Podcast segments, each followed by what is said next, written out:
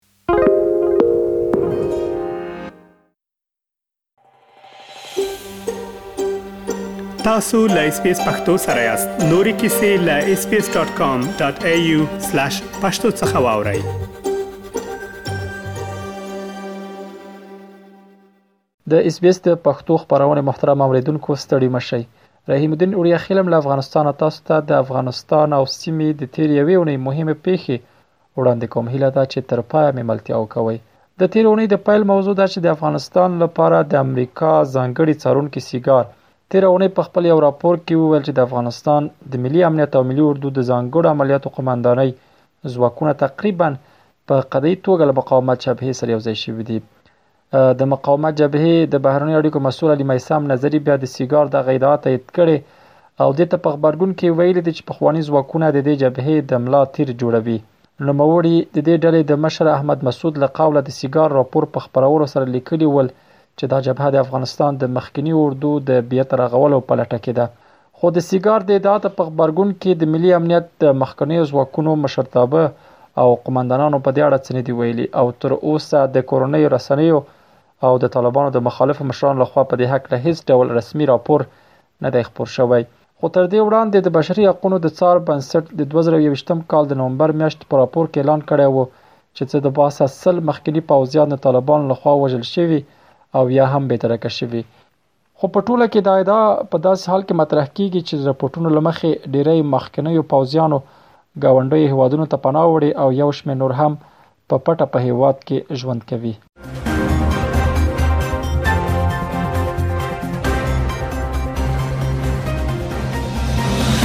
د امریکا پخوانی ولسمشر ډونالډ ټرمپ د افغانستان په اړه د سپینې ماڼۍ په اوسنۍ تګلارې د نیوکې تر څنګ وړاندیز کړی چې ښایي امریکا یو ځل بیا افغانستان ته ولاړه شي. ټرامپ دغه څرګندونې تېره اونۍ د اپریل درېیمه د امریکا په منشکین ایالت د واشنګټن په ښار کې خپلو پلویانو ته په یوه وینا کې کړي. هغه په خپله دې وینا کې له افغانستان څخه د امریکايي ځواکونو ایستل یو تېروتنه وباله او ویې ویل چې له وتلو وروسته د میلیاردونو ډالرو په ارزښت تجهیزات وسلهوالو طالبانو ته پاتې شوي دي هغه دا هم وویل چې طالبان ډیر خلک یې سار کړي او 15 اتیا میلیارډ ډالر په ارزښت وسلې یې ترلاسه کړي اغلی ټرمپ په خپل دی وینا کې همدارز وویل چې دغه په وخت کې په افغانستان کې په 13 میاشتو کې یو کس هم نه وژل شوی خو لدی خبرې مخه امریکایي عسكر ول ځکه طالبانو د دوه له تړون وروسته په بهرنۍ ځواکونو بریدونه بند کړل خو په افغان ځواکونو بریدونه روان ساتلی ول چې هره ورځ به یې لسګونه افغان ځواکونو ته مرګ ژوبله اړوله. د یادونې وړ ده چې امریکا په افغانستان کې شاوخوا شل کاله دخیل وه او له افغان ځواکونو سره د مرستو ترڅنګ یې له ترهګرۍ سره د نړیوالې مبارزې مشري کوله.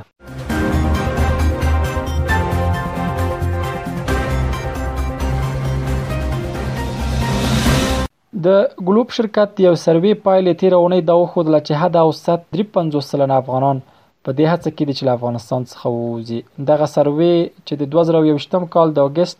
او سپټمبر په میاشتو کې د یاد شرکت له لوري ترسره شوې، ښيي چې په دې ډله کې شپږ پنځوس سلنه نارینه او پنځوس سلنه ښځې له افغانستان څخه د وتلو غوښتونکي دي. یاد شرکت ویلي چې دا شمېر نسبت دوه زره او اتلسم کال په پرتله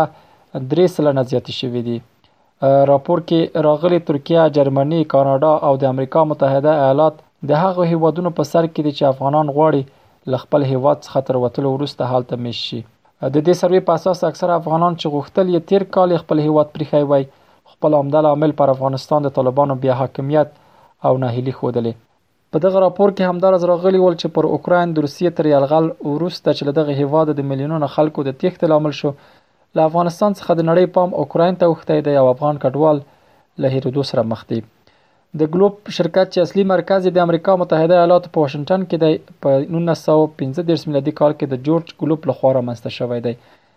دغه شرکت نولس سوه او اتیا کلونو را په دې خوا د نظرپوښتنو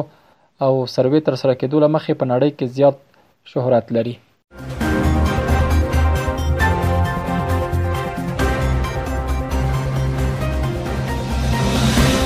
تېره اونۍ د چهارشنبې په ورځ د القاعده له لوري یو تازه ویډیو خپره شوه چې ثابته کړې د دغه ډلې مشر ایمن الظواهري لا ژوندی دی.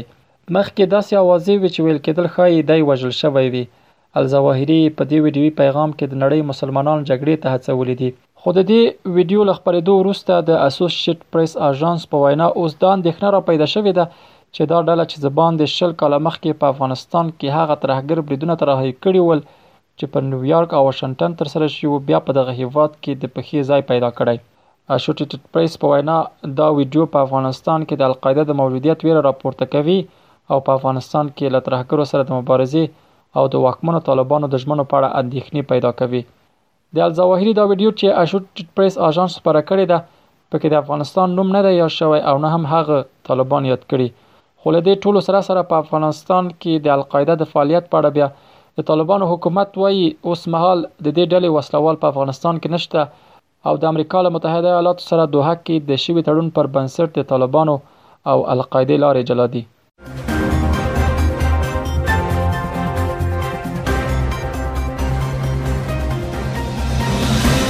د دې اونۍ د پای موضوع دا چې په پښتونخوا کې میشت دیني عالمانو د یو غوښتنلیک په لاسلیک کولو سره له وسلوالو طالبانو غوښتي چې د اسلامي اصولو په رڼا کې د نجونو زده کړې دې ژر تر ژره پیل کړي. دوی په دې غوښتنلیک کې په یوه خوله د شرعي او عصري علومو زده کړه د ښځو مسلم حق بللی دی. په دې غوښتنلیک کې همداراز راغلي ول، چې د ښځو د تعلیم او تعلم جریان کې باید شرعي حجاب مراعت شي، د تعلیم او تعلم په جریان کې باید سړو سره اختلاط نه وي، د ښځو او ترانسپورت او انتقالاتو مستقل ترانسپورت انتظام وشي،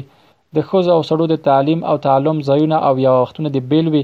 نصاب کې دې دیني مضامین اضافه کړل شي او د ښځینه شاګردانو استادانې دې به ښځینه وي. خو اخوا د تېرې اونۍ د پنجشنبې په ورځ کابل کې هم یو شمېر دیني عالمانو د ملي ډایالوګ پر مهال افغانستان کې د ټولو نجونو پر مخ د ښوونځیو پر پرانیستلو ټینګار وکړ. دغو دیني عالمانو وویل چې د نجونو تعلیم یو ضرورت دی او په خبره اسلام جواز ورکړی دی. د دې ترڅنګ د افغانستان او اوکراین په اړه د ملګرو ملتونو سازمان د روزنیز علمي او فرهنګي سازمان هم په خپله ناسته کې چې د پنځوس هېوادونو د یونسکو استازو په ګډون د تېرې اونۍ د پنجشنبې په ورځ ترسره شوه په افغانستان کې د نجونو او مېرمنو د زده کړو حق څخه خپل ملاتړ اعلان کړ د دغو هېوادونو استازو له وسلهوالو طالبانو وغوښتل چې ژر تر ژره دې د نجونو پر مخ ښوونځی پرانیزي. د ویلو ده چې د طالبانو له واکمنېدو د نږدې نهه میاشتو په تېرېدو سره له شپږم ټولګي پورته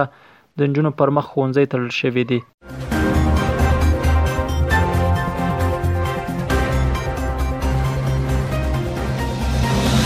دا ول د افغانستان او سیمې د تېرې یوې اونۍ مهمې پېښې چې ما تاسو ته وړاندې کړې. تر بیا ښې چارې. اس پی اس پختو په فیسبوک کې تا کې پلی مطلب یو فاک کړئ نظر ور کړئ او له نورو سره شریک کړئ